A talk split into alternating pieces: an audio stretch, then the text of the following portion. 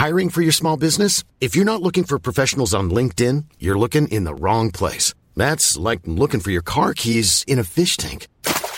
LinkedIn helps you hire professionals you can't find anywhere else, even those who aren't actively searching for a new job but might be open to the perfect role. In a given month, over 70% of LinkedIn users don't even visit other leading job sites. So start looking in the right place. With LinkedIn, you can hire professionals like a professional. Post your free job on linkedin.com slash people today.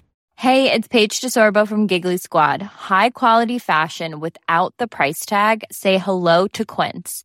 I'm snagging high-end essentials like cozy cashmere sweaters, sleek leather jackets, fine jewelry, and so much more. With Quince being 50 to 80% less than similar brands.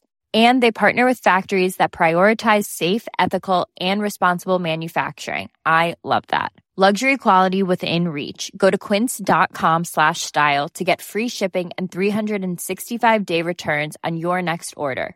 Quince.com slash style. Burrow's furniture is built for the way you live. From ensuring easy assembly and disassembly to honoring highly requested new colors for their award-winning seating, they always have their customers in mind. Their modular seating is made out of durable materials to last and grow with you. And with Burrow, you always get fast, free shipping. Get up to 60% off during Burrow's Memorial Day sale at burrow.com slash ACAST. That's burrow.com slash ACAST. burrow.com slash ACAST. Hej och hjärtligt välkommen till Teknikveckan Podcast. Idag är det jag Tor Lindholm och med mig så har jag ju så såklart Peter Esse. Men vi har också en gäst som heter Björn Elias Hästhammar. Hej. Sa jag ditt namn rätt där? Ja, det var rätt. Jag blir alltid lika nervös. Det är lite som när man var på dagis och eh, man skulle gå den här rundan och så skulle man klappa sitt, till sitt namn. Ja, men nu får man inte ens säga namnen. Nu har de bara djur. Jaha, man får inte säga sitt namn. Alltså det är en lokatt och det är liksom någon tiger och... Ja, det är bara kattdjur. Väldigt bra. Tvååringarna kan allt nu. Är det en grej att man inte får säga eh, ens namn? Är det för att de pedagog kom fram till att Tor... Att det var sånt antiklimax liksom. Peter! Och sen Tor! Ja men det var ju lite det, jag ville ju inte klappa en gång och jag fattade inte för att jag hade ju så många bokstäver men mina kompisar fick ju klappa hur många gånger som helst och jag fick bara klappa en. Tor. Jag ville ju klappa Tor. Hur många stavelser har jag då? Björn.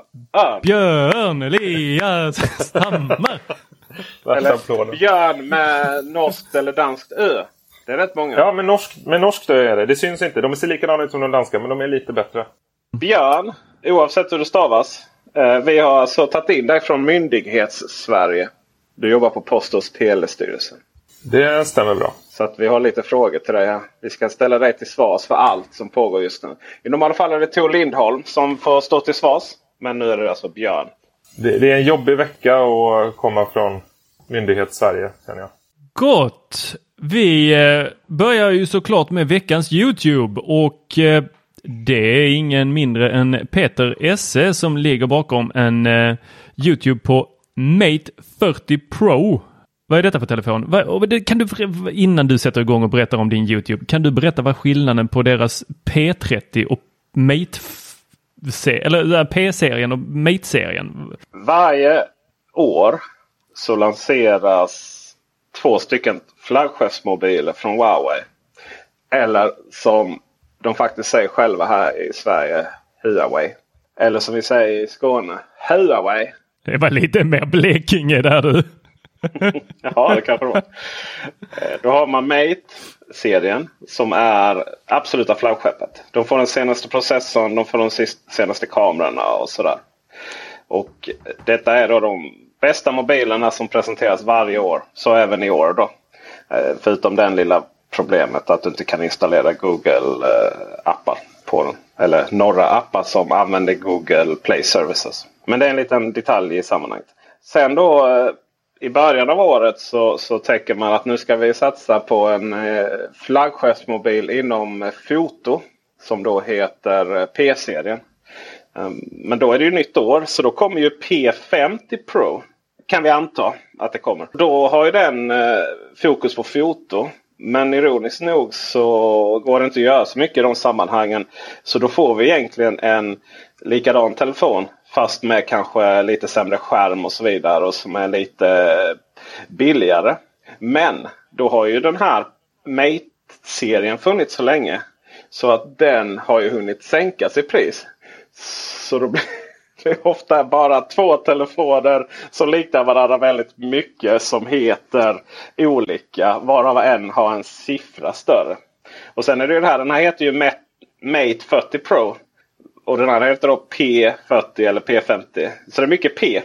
Jag har nog aldrig engagerat mig mycket tankemässigt kring vad de heter olika och jag har alltid sett eh, Mate-serien som lite sämre än P-serien då. Sen, sen, vet jag inte riktigt. Jag, jag, tycker inte de ser lika snygga ut med då kamerorna på baksidan. Ser lite mer leksak ut. Och, ja, nej, men eh, tack för att du klargjorde detta. Vad är det du har eh, tittat på egentligen?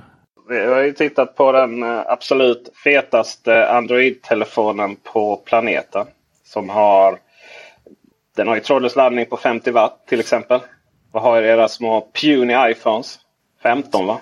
Det är, det är inte hur snabbt du gör det utan hur bra du gör det. Och vad är det ni snabbladdar med? 20 watt tror jag via kabel. Här har vi 60.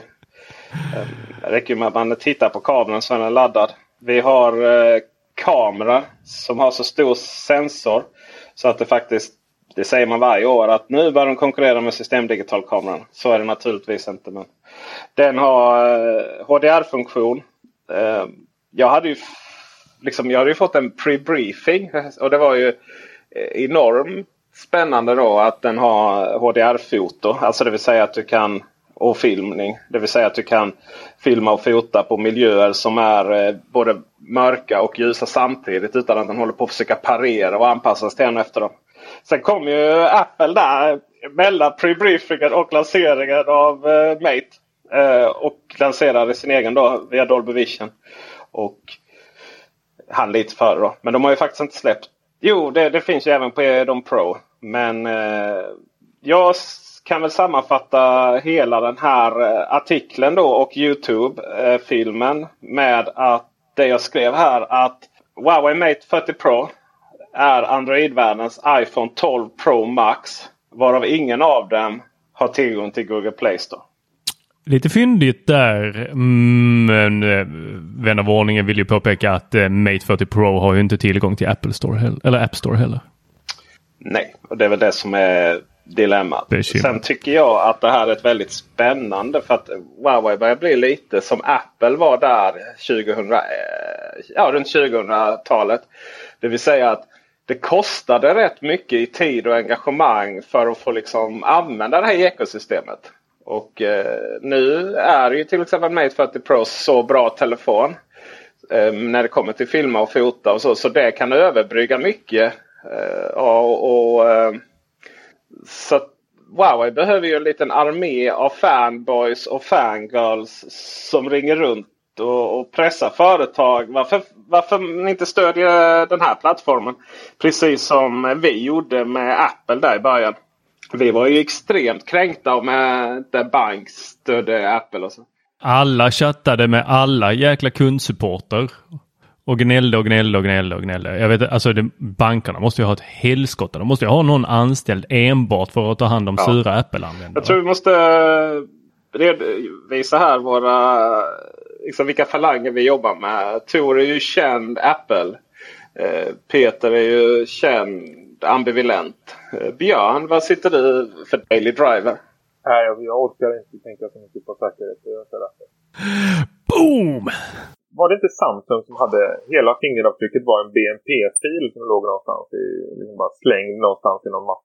Samsung är ju legendariskt högt och lågt. Det ena året har de riktig 3D-avläsning och sen nästa år så kan du öppna upp telefonen med en eh, MS Paint-bild. Det är som Google liksom. Det ena året har de en radar i telefonen där man kan hålla handen ovanför och det ska bli jättebra. Nästa år så finns det ingen radar. Det är som Apple. Ena året så finns där ett eh, laddhuvud att stoppa i väggen. Nästa år så finns det inte det. Oh. ja, vi får se hur mycket det, det gör för miljön. du, fraktkostnaderna. Fantastiskt! Jo, det är sant. Har ni sett det i Frankrike då? Där får man, man får man iPhone-förpackningen eh, i en ytterligare en förpackning där det ingår hörlur. Ja, och detta var ju för att de skulle rädda barnen, var det inte så? Think about the children. Um, det, det är, den rekommendationen finns väl även i Sverige tror jag. Att man ska hålla telefonen uh, och använda hörlur. Jaha, är, är det för, för den hemska strålningen? Ja. Eller?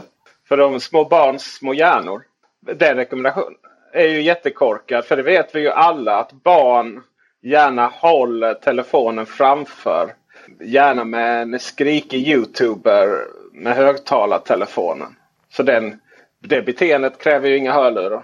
Nej, och all, alla barn som pratar i, nu för tiden, de gör ju den Kim Kardashian-style. Liksom. Går ju bara och håller med luren. Barn och pensionärer? Ingen aning. Helst på buss. Buss och, och tunnelbana. Alltså, usch. Du är från Uppsala. Jag hörde att ni har avskaffat kollektivtrafiken där temporärt va? Ja, nej nu, nu kan man inte gå ut och åka kollektivt. Så då, då får man eh, knalla in till tåget. Nej, det går inte. Nej, då, så man kan inte ta sig till jobbet helt enkelt. Det är det. Gud vad skönt. Men eh, det, är väl, det är väl bra att vi räddar de som inte har råd att, eller arbeten där de kan sitta hemma och vara permitterade. Jo, jo och det är ju alltså, det är ju intressant hur hela den här coronacirkusen liksom har, har snappats upp i olika delar av världen och hur mycket politik det har kommit in i det. Och det är ju faktiskt en stor likhet mellan Corona och 5G. Det är väldigt mycket politik. Jag har eh, faktiskt försökt nå eh, Folkhälsomyndigheten och frågat om de vill vara med och prata om just den här intersektionen mellan eh, virus. Uh, inte virus och 5G. Den ska vi inte ens, så att säga, vi ska inte ge konspirationsteoretikerna och klia det myggbettet. Men just det här med teknik och corona. Varför kan inte modern teknik förinta de här virusen? Med alla våra luftrenare och HEPA-filter och så vidare. Eh, de har inte svarat ännu men eh, jag ska faktiskt försöka nå dem igen. De kanske har annat att göra än att vara med i just Teknikveckan-podden. Men eh, framöver är det ju en spännande diskussion. En av de läckraste sådana där exempel tycker jag var han, vad heter han? Nathan Myhrvold va? Han Microsoft-gubben. Han hade TED-talk för några år sedan där han visade hur han ville ta koll på malaria genom att sätta upp någon laser som skjuter ut, lyssnar på myggorna om de kan eh, bära eh, malaria och eh, om de gör det så skjuter den ut dem genom att bränna av dem med lite extra energi. Alltså vilken kung! Ja, wow. det, det, är ett kreativt sätt att använda teknologi för att lösa de här problemen. Skulle man göra det då att man lyssnade vilka medborgare som hade corona och så med laser bara pss, pss. Ja, man värmde upp dem lite så att viruset dog eller någonting, inte vet jag. Ja. Trevligt. Det, det, finns alltid, det finns alltid sätt. Koka dem inombords. Och det, det har ni ju varit, pratat om tidigare det här med, med mikrovågor och hur, eh, hur, hur det hänger ihop allting. Vi har en lyssnarfråga och jag kan inte svara på den. Jag har, eh, jag kan inte ens googla på det. Eh, jag får upp så konstiga saker. Eh, ska jag läsa den för dig så får du eh, faktiskt svara på den här. Ja, den säger så här. Hejsan! Vill tacka för eran podd som jag följer. Alltså bara där har du vunnit mitt hjärta. Det är en bredd i teknik och stort kunnande. Jag har en fråga till er som är kunnande. Kanske även blir till ett poddtips till er och ett av era avsnitt. Jag vill höra med er vilken tv som är bäst att skaffa nu till de nya spelkonsolerna. Då misstänker jag att det inte är Nintendo Switch utan eh, Playstation 5 och Xbox, eh, vad heter den nya? Series X. Just det, så var det. Jag har även Atmos och önskar att tvn ska kunna stödja det. Jag har hört att även om en TV har eArc så är det inte säkert att en TV har stöd för all eArc. Och även HDMI 2 är ingen garanti på en TV. Skulle vara glad för ett svar. Eh, eller ett poddavsnitt av det. Ha, har man även lite tur så kanske en bra modell säljs på Black Friday och det är ju ganska snart så därför tar vi upp detta nu. Men det är väl inte så många som är perfekta för de nya konsolerna. Peter, vad är din take på det här? Har man e-arc så är man safe. Med allt det här alltså? Med Atmos och med HDMI 2 och... Ja, däremot så är inte HDMI 2 är ju inte e-arc utan det är HDMI 2.1. Vilket är en ganska korkad namnsättning för att det är den största utvecklingen av HDMI ever mellan HDMI 2 och 2.1. Så att den borde heta HDMI 3 eller någonting. Men har du HDMI 2.1 och eller e-arc, alltså de så att säga beroende av varandra, så är man safe. Det råkar finnas en välskriven artikel på Teknikveckan.se om det här. Och där finns också filter till alla HDMI 2.1 kompatibla TVs. Man kan väl också säga att det gäller alla Samsung 2020. Alla LG 2019 och 2020. Och några få utvalda Sony TV 2019 och 2020. Men det finns ett filter till prisjakt där. Vi länkar i beskrivningen. Var inte rädd att skicka in fler lyssnarfrågor. Det här tycker jag är jätteskojsigt. Ja, så eh, in på länken, klicka på prisjakt och sen så eh, sitt bara redo till Black Friday. Och Black Friday är ju Samsungs stora så högtid och halverar de ju prisen. Ja, jag är ju lite inne på en ny uh, The Frame. Hur är det? Har den uh, e-arc? Jag har det ju. Absolut. 2020? Mm. The Frame har e-arc. Den är så liten. Det är 55 tum där på väggen. Jag vet, jag måste ha en lite större nu. Den, den, den åker nu upp i sovrummet. Eller i köket. Jag, jag, vill ha en, jag vill ha, den, den är ju så snygg med den här bakgrunden men än har jag inte hittat att det finns någon så här snygg tavelbakgrund som visar våra kalendrar. För nu börjar barnet bli så stort så att uh, han har en egen kalender där vi lägger in vad han ska göra. Och då hade det varit rätt nimt att ha en, uh, liksom en gemensam skärm där vi kan se allas kalendrar och få en snabb överblick. Jag vet att uh, du Peter, du har ju en liten analog variant av det där en eh, sån här frostad glasskiva i hallen. Precis. Ja, ja, men det är inte min. Eh, det är frun som är eh, överentusiastisk. Men den uppdateras inte så ofta. Den är inte så IT. Nej, och det är ju det jag vill ha. Jag vill ha det att det uppdateras så jag ser vad vi ska göra. Peter? Mm? Hur har din teknikvecka varit? Den har varit spännande. Eh, framförallt så har jag ju funderat lite över marknadsföring när man säljer iPhones. Både Telia och Telenor skulle jag vilja påstå snajda lite väl med eh, sanningen när de listar sina priser. Berätta, jag, jag har, jag har li, lite idéer eller tankar om det här. Men det var ju den förra året så var det Telenor som var igång och visade eh, det här är eh, totalkostnaden. Minsta totalkostnad då står det 14 000 på en iPhone med abonnemang. Det är liksom orimligt billigt när de andra tar 18-19 000. Särskilt Telenor som är kända för att kanske inte vara så jättebilliga alltid när det kommer till sina abonnemang. Nej. Men visst, minsta totalkostnad var ju det. Om du lämnar tillbaka telefonen efter ett år och tar en ny. Då är minsta totalkostnad för den telefonen det oh, året den summan. Fy vad fult. Riktigt fult. Det var ju folk som var sura på mig när jag liksom. Men varför ljuger du här? Jag vill lista ju vad som är billigast. Tre är ju alltid billigast. Jag har ju gjort en jättedeal här med Telenor liksom. Och så bara, men nej det har du inte. Jo det har jag liksom. Jättearga. Och så bara, men okej okay, gå in och läs här och nu. Bara raderades tråden. Oj då, hoppsan. Och i år så fortsatte Telenor så fast de var tydligare faktiskt. Telia däremot Tor. Det var väl du som... Vi hade en lång utredning på det här. Först så fanns det på hemsidan, då fanns det att man kunde trycka på iPhone 12 Pro eller iPhone 12. Och sen så på Pro så stod det, vad var det, 600 eller 599 eller något sånt här stod det i månaden i 12 månader. Och du vet, det är ju så, alltså det är så, det är så billigt, så billigt, så billigt. Eh, så jag fick inte ihop det. Liksom. Det är billigare än vad telefonen kostar. Så bara jaha, och så ser, man, klickar man på den, ja då hamnar man ju i en kö. Och sen så när man väl hade stått i den där kön en stund och skulle få klicka hem den, ja då, då fanns ju inte det där någonstans. Men du redde ut lite i vad de egentligen menade och de hade ju någon matris för att räkna ut hur telefonen, ja, kost, vad det slutsumman skulle ja, bli. De hade ju verkligen rätt i att det var 599 i 12 månader. Det var ju bara att sen så var du tvungen att betala 12 månader till på ett helt annat pris. Så totalt sett så var ju Telia väldigt, väldigt dyra. Så att det var ju inte... Jag vet inte varför Telia håller på så här. Eh, det, det finns ingen anledning att liksom... Okej, okay, i sak när vi skriver så här så kan man tolka det så som ni har skrivit. Det är inte en direkt lögn. Men det är uppenbart att man skriver så för att locka folk till ett billigare pris än någon annan har. Fast totalt sett så är man nästan dyrast. Och då kommer ju min eh, liten fråga här eh, till, till dig Björn. Har PTS någon åsikt överhuvudtaget hur operatörer sköter sin marknadsföring? Eller är det reklamombudsmannen och sånt man ska anmäla till? Ja, alltså när det gäller abonnemang och så så finns det ju en hel del kampanjer vi har kört mot eh, fulsälj och, och sånt.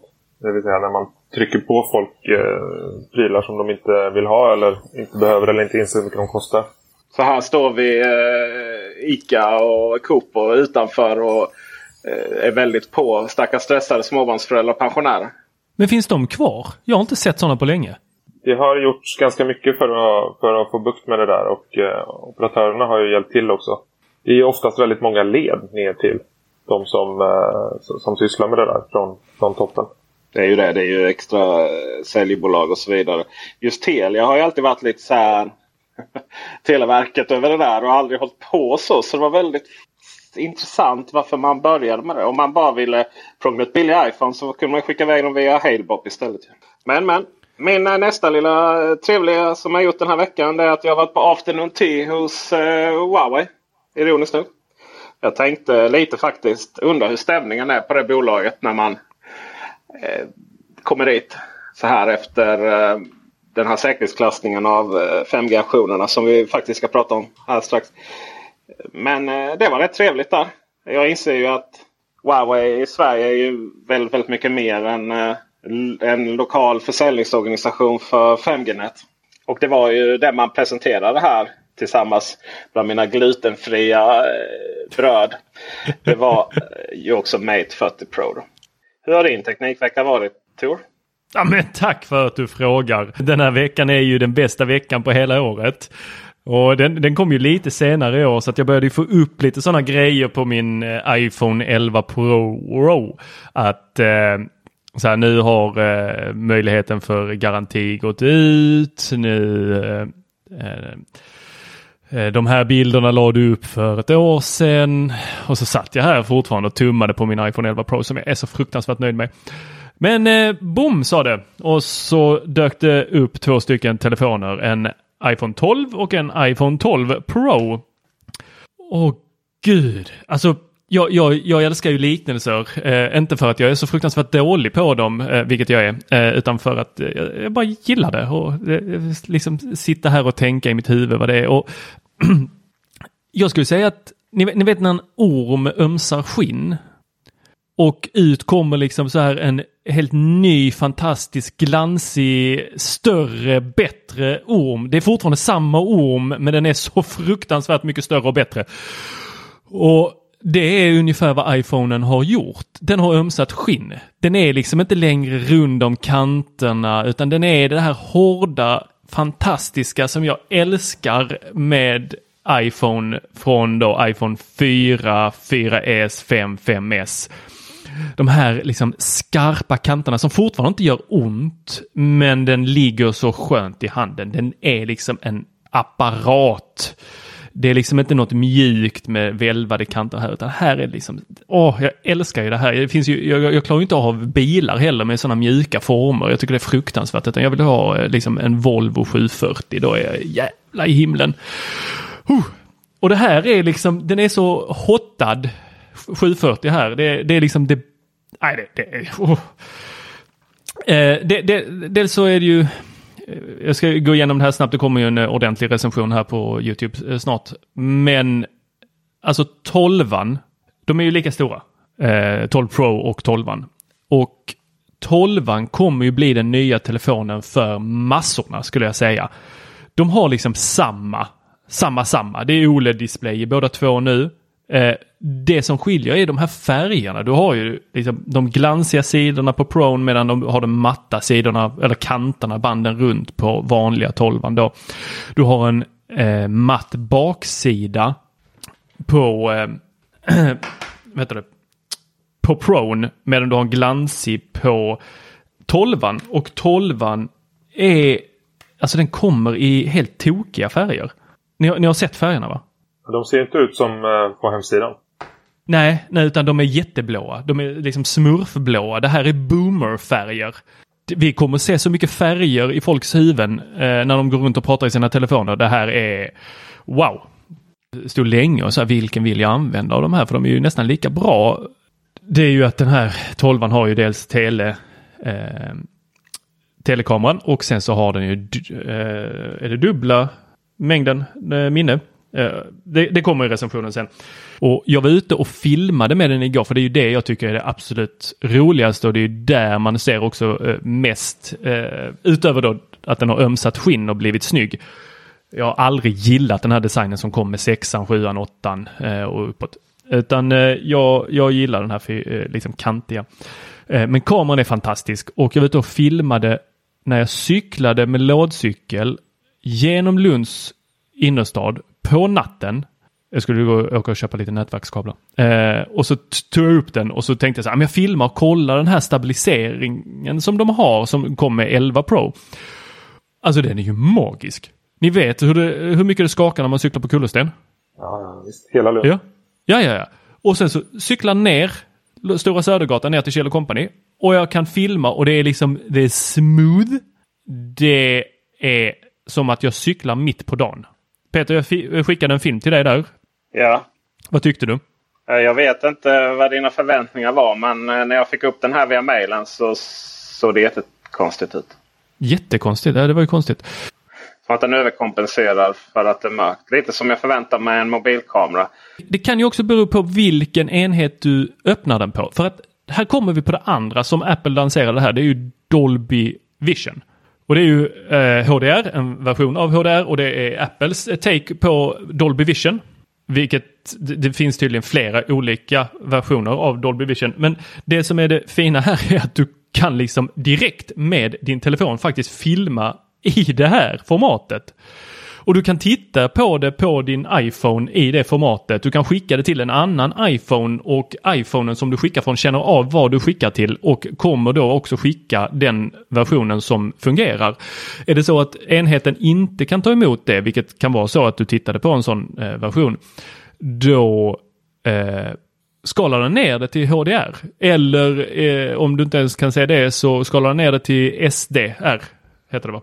När du skickar via e-post där så eh, drar den nog en helt vanlig eh, SDR-version så som den är inspelad istället. Det finns ingen processorkraft på iPhonen som korrigerar den. Och då blir det liksom som en helt vilken mobilfoto eh, som helst. Då. Den kan ju liksom inte skicka någon... Den kan ju omöjligt veta vad du har mejlat mig till. Nej, det är väl kanske där då. Men om du, om jag skulle smsa det eller airdroppa det eller något sånt här. Och skickar du då upp eh, HDR eller Dolby Vision eh, till din tv som har stöd för det här. Och det är väldigt få tv-apparater idag som har stöd för detta. Vi hoppas väl att fler kommer ha stöd för det här. Att de har stöd för då Apples take på Dolby Vision. Och då känner den av det och så får du upp eh, riktigt nimt. Och Apple TVn Ehm, den här lilla svarta boxen som du kopplar till din tv för att den ska bli smart, den har Dolby Vision, men då måste du ha den i Dolby Vision-läget och det är det 4K-versionen vi pratar om då. Ehm, så en så får du nu hålla dig till att sitta och titta på din iPhone. Ehm, men gud vad snyggt det är. Åh, magiskt. Det enda som jag har lite att in, invända mot det var att och det är samma bekymmer som de hade på iPhone 11 Pro. Det är att du får lite distortions Eh, eller eh, det heter nog inte, det heter liksom, vad är ordet? Eh, sådana här ljuspunkter. Ni vet att om det lyser en lampa så kommer det en blå liten flare. Om man filmar på solen så blir det liksom en blå liten eh, prick. Det blir lite artefakter helt enkelt. Ja, och då gör den detta på alla lampor så att är man ute liksom och filmar bilar som eh, kör mot den så får man helt plötsligt massa sådana prickar som flyger över hela skärmen. Eh, lite störigt, eh, men fortfarande. Det var som att filma, alltså i, inte dagsljus, men gud vad... Alltså det var att den såg saker som jag inte såg med blotta ögat. Det var ljusare på skärmen än vad det var vad jag såg i verkligheten. Och då ska vi, då ska vi inte börja prata fotona som den tar. Wow! Men, men det mesta av det här har ju folk redan eh, skrivit recensioner eller i alla fall hands-on. Några recensioner kan jag inte tänka mig att det kommit ut än för att det skulle vara jättekonstigt. Det, det, det kallas hands-on när man har suttit med telefonen i eh, två dagar och pillat på den. Oh, där hade jag nästan kunnat göra en recension av. Hands-on är en kvart liksom. Ja, alltså du vill, du vill ju hinna testa. Du vill ju tömma den på batteri. Du vill se liksom, hur funkar den i alla lägen. Folk som prånglar ut de här recensionerna på en dag, jag vet inte. Eh, ja, det är jättekul, men de missar ju en massa saker. Jag har suttit här och pillat och nu kommer the big revelation här. Ni får säga om jag är helt ute och cyklar, för jag kan inte det här riktigt, men wow. Eh, det skickades ju med en MagSafe. Så du kunde använda din eh, Mac Pro-laddare, den gamla.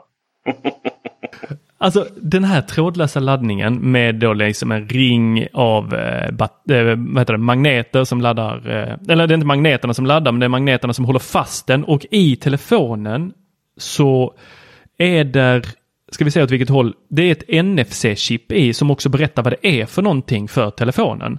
I de här casen i laddarna så då har du att om jag sätter på ett blått case på telefonen så visar telefonen att det är ett blått case jag satt på genom att göra en liten sån här cirkel som låter så bling.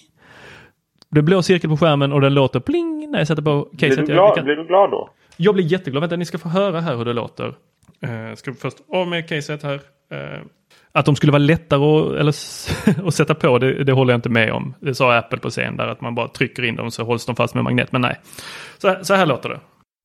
Ja, väldigt, väldigt trevligt ljud alltså. Eller hur? Och så kommer det en sån här blå liten cirkel. Som De är ju väldigt bra på plupp-ljud. Det är något ljud på airpodsen som man blir galen på. Det här liksom, när de blir arga. Ja, och gud ja. Eh, det är, inte, det är ett otrevligt ljud och det ska nog vara ett otrevligt ljud. Det är så att du ser till att ladda dem? Eh, ja, men ibland så somnar man med dem och så åker de ut och så är de urladdade. När man Då kommer vi till nästa sak här med, eh, med den här MagSafe. För att när man sätter på den, då får man också ett sånt här litet ljud. Där då det kommer upp en grön ring med en grön liten sån laddblixt i. Och jag kopplade in den och sen så tänkte jag så här, jag får kolla vad, det är, vad den är gjord av. Så jag kopplade in den i datorn för den kommer ju, det enda som kommer i case, eller vet du, liksom i, i ehm, eh, eller vet du, den här, den här MagSafen sitter ju med en USB-C sladd. Så då satte jag den rakt in i datorn. Man kan ju koppla in den till då en 20 wattsladdare, eh, sånt som de skickar med iPad Pro. Och då kan du ladda trådlöst 15 watt. Eh, men jag kopplade den till datorn och så gick jag in i systeminställningar och där så kollar vi då om eh, den här datorn. Vi går in i systemrapporten och så kollar vi på USB 3.1 bussen då som sitter i datorn. Och så detekterar datorn att det är en Apple MagSafe Charger. Alltså den fattar vad det är jag har kopplat in. Så det fattar den ju inte med andra kablar. Nej, men står det också vad den har förhandlat fram för uh, laddström? Ja, då har den ju då tillgänglig ström milliampere 500. Nödvändig ström milliampere 500. Men nu kommer det roliga. Hastighet upp till 12 megabit i sekunden. Alltså den använder USB 1 då eller? Ja, det är USB full 1 speed, eh, full. På, ja, full speed 1.1. den som kom 98. Det, det absolut slöaste vi har är full speed. Och sen ja. allting är bara mer.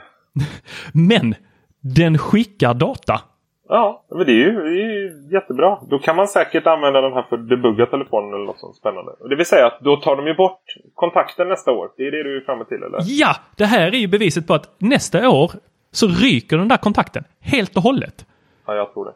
Vi, vi har ju vetat detta, men detta är beviset på det. är, det är det beviset verkligen? Det är the smoking gun. Då måste de ju kunna skrämma upp den över 12 megabit. För det kan man inte ha. Du kan inte internet dela på 12 megabit.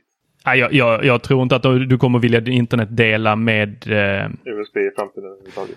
Nej, utan du, det ska du göra med wifi.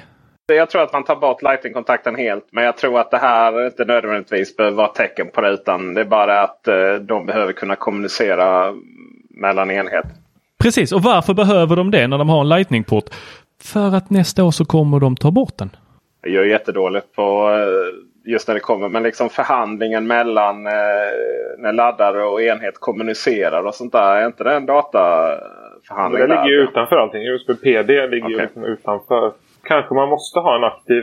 Jag har faktiskt aldrig testat det på alla andra grejer som bara sladdar. Nu har jag tagit eh, Ikeas eh, sån här wireless charger, Liveboy.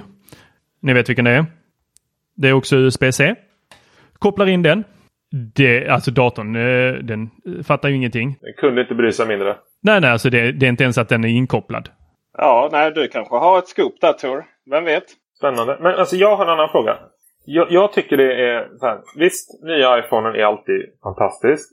Eh, och Pro är lite bättre än, eh, än 12 Men om man ska välja mellan en 11 Pro och en 12 då är man ju inne på samma, lite samma harang. Det, det är OLED, det är hyfsat, hyfsad storlek. Vad ska man välja av de två? Skulle jag sitta och välja mellan de två idag så skulle jag ta eh, 12 för att jag gillar formfaktorn på den. Mycket, mycket mer. Och jag gillar att fotografera med min iPhone. Så att den är, alltså 11 är en fantastisk kameramobil. Alltså fantastisk. Men den är ju... Eh, alltså, ja. Men eh. jag fick en sån här vibe när du pratade om det här ömsa skinn och ormar och allting. Jag får den känslan varje gång jag plockar ut iPhonen ur skalet. Ja. Det är liksom så här, åh jävlar, det är så här den känns. Ja. Och han, eh, vad heter eh, John Syracusa, pratar ju om det att iPhonen, liksom sen sexan egentligen, så har iPhonen varit eh, the naked robotic core. Och sen så måste man klä på den någonting för att den ska vara användbar. Ja, det tycker jag är en ganska bra liknelse för att det kommer nya telefoner hela tiden. Men kör man dem caseless så är det, det är ju livsfarligt. Men glasen är så härdade nu att eh, de, de tål ju inga rep. Alltså, jag repade ju min, eh, min 11 efter bara några dagar. Ja, det, det, vi, har, vi har inte hittat någonstans vad om de är mer eller mindre reptåliga utan eh, de, de ska vara samma säger eh, Apple. Eh, och det här är ju den nya också med 12 att de eh, har ju inte glas utan de har ju en blandning där de har då, keramiskt shield, alltså keramisk sköld kallar de det. Där de har kristaller i glaset eh, som gör att de är då fyra gånger, ska vi se här om, vi, om jag, så jag säger rätt här nu, dropptåligare. Kan man säga så? Eller de tål vatten alltså? att tappa dem liksom. Tapptåligare kan man kalla det. De formulerade sig på ett sånt så här bakvänt sätt när de sa det. Eh, så jag blev så va? Vad är det ni säger? Men det är intressant. Undrar hur mycket bättre glaset måste vara för att det ska vara fyra gånger bättre när man tappar det. Mm. För det är ju det de har mätt då. Och säger att det är liksom en av... 25 eh, procent av gångerna gick den sönder katastrofalt. Ofta är ju inte problemet dock att man tappar dem utan att man råkar lägga den två sekunder i samma ficka som ens nycklar. Och så får man den här repan.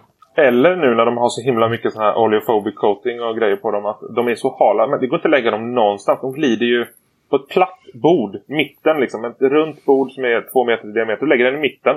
Då kommer du tillbaka en timme senare och ligger den på golvet. De rör på sig, absolut. Ja, men det, det är som kvicksilver. Det, det bekymret har jag inte med den här. Den känns mycket, mycket eh, bättre i handen. Men är den inte hal eftersom den har det här... Eh, Nej, jag tycker, eller jag tycker inte det. Jag tycker inte den är i närheten av så hal som 11 Pro är. Jag, jag minns där sju, vad hette den som hade det här Gagat, svart hette det. Ja, just det. Eh, den var ju sjukt skön att hålla i. Den kunde man nästan hålla upp och ner. Liksom. Den bara satt fast i handen.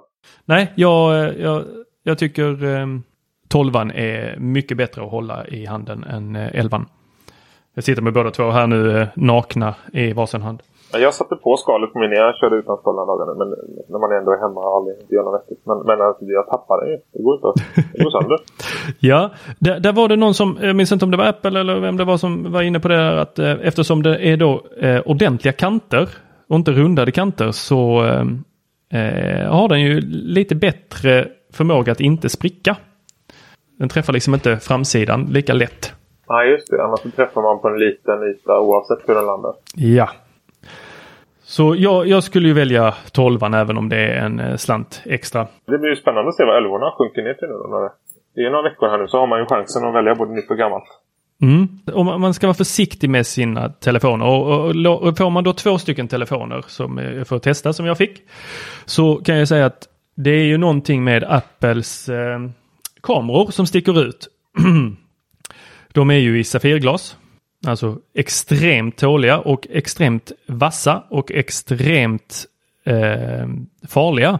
För man vill ju gärna då ta de här bilderna för att lägga ut och visa liksom hur, hur ser de här två ut bredvid varandra. Hur ser de här? Vi fick en smurf, eller då en blå och en, eh, vad heter den? Stilla havsblå kallar de den på Prone. Den här lite mer kromade varianten. De har börjat med en Google-namn. ja, där då, och den här, lägger man då dem ovanpå varandra så kan jag säga att då repar Nej.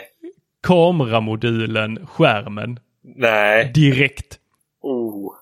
Japp. Alltså jag la, jag la dem bara, liksom de låg på varandra.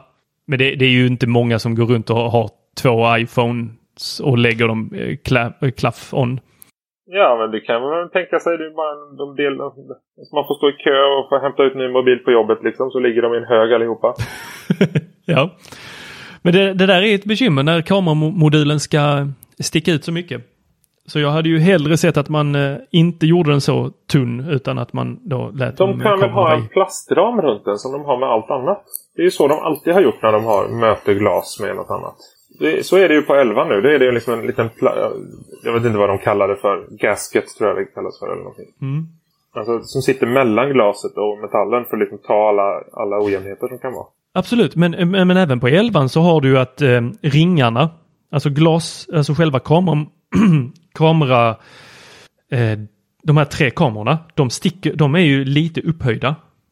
Sitter du med en 11 Pro så kan du känna... Upphöjningen liksom. Ja, så det är upphöjning och sen är det till upphöjning för kameramodellerna. Så jag har pratat alldeles för lite om detta på svenska. För de, kallar ju det för stovetop tycker jag. Det tycker jag är ganska fint. Den här där. Ja, så att de repar alltså. Ja, det visste jag inte. Det var spännande. Jo, de är ju, de är ju gjord just för att de själva inte ska bli repade. För att det är ju katastrof så att, för bilderna om de skulle bli det. Vad heter han där snubben på Youtube då som förstör telefonen på löpande band med sina diamantverktyg? Han heter inte Jerry, men kanalen heter Jerry Riggs Everything. Ja, just det. Han heter Zack. Så Ja. Zack heter han. Just det. Det finns ingen, det finns ingen logik. Jag vet inte varför det blev Jerry. Ja, men nog pratat om eh, iPhone 12 Pro. Hur eh, har din teknikvecka varit Björn? Så här, jobba hemifrån strul. Det var ju Prime Day förra veckan så jag tog hem en kamera så att eh, jag kan ha laptopen stängd när jag jobbar och jobba bara på mina externa skärmar. Så det var ju skönt. Det var Prime Day för alla utom möjligtvis Amazon Sverige då. Som inte har dragit igång ännu. Alla svenskar handlar ju på Amazon Tyskland, det vet man ju. Det vet, det vet man ju. Det är väldigt stor omsättning på svenskarna. Men det är lite i det dolda. Jag tror inte det hör till allmänheten att hålla koll på det. Men det sjuka är att jag har en, en bekant som fick paketet levererat av Amazon Sarl bla bla bla Sweden. Så att eh, det har gått ut paket ifrån deras lager när man har beställt från Tyskland. Just det. Ja, men det är väl rätt så konstigt i och att de börjar använda. Ja men att de ändå att de är igång. Alltså, man vet ju aldrig. När kommer Amazon.se? De skulle ju varit igång trodde man ju i lagom till Prime Day då. Men eh, det har ju också pratats om att man har prioriterat att komma igång till Black Friday. Och nu var det ju eh, Price Runners eh, VD som gick ut och sa att nu är de igång inom två, en till två veckor här. Men då har de testskippat en hel del grejer från svenska lagret. Men de har ju haft jätteproblem att få ombord svenska e-handlare. Det har ju liksom varit. Man har ju gått in så fruktansvärt hårt i förhandlingar och eh, så har man suttit där och kollat på avtalen de erbjuder och bara nej det här funkar ju inte. Fått då svaret att från Amazon, men vi är Amazon, ni måste vara med annars kommer inte det här gå bra liksom. Och sen har man väl då blivit mer och mer ödmjuk då. Det är väl lite samma som att förhandla med Ikea kan jag tänka mig när man har någon design. Liksom. Du kan få två öre per enhet i Sverige. Då är vi ändå generösa. Då är man ändå generös. Nej men så har det ju varit säkert. Och det är ofta så när man går in liksom hårt i den förhandlingstaktiken. Men sen eh, Sverige är ju så extremt mogen. Marknaden kommer till e-handel och Amazon har så lite att lösa. Det här idén om att eh, man ska ha en central del där man kan handla allting. Det har ju vi redan. Det är ju prisjakt och delvis price runner då förvisso. Så att eh, jag vet inte riktigt vad man har för eh, lösning där. Det går ju inte att hitta någonting på Amazon. Det är helt omöjligt att hitta. Antingen söka via Google eller gå via någon extern tjänst. Eller liksom hitta i någon sån här fyndtråd eller någonting. Amazon är väl snäppet värre än eh, CD-ON. Precis. Och sen på Elgiganten är det också så här nu. De är också sån här, eh, vad heter det? Eh, Shop-in-shop-lösning eller på att säga. Att man kan, vem som helst kan bli partner med dem och sälja sina prylar på Elgiganten.se. Man bara, man blir förvånad när man kollar där. Bara, Oj, vad mycket grejer de har. Ja, just det. De har det inte. Vilken kamera var det du hade köpt? Ja, eh, det var en um, Oki eller Aoki eller vad de heter för någonting. Någon billig. Men den, den, är, ser ut precis som en sån här Logitech som kostar jättemycket.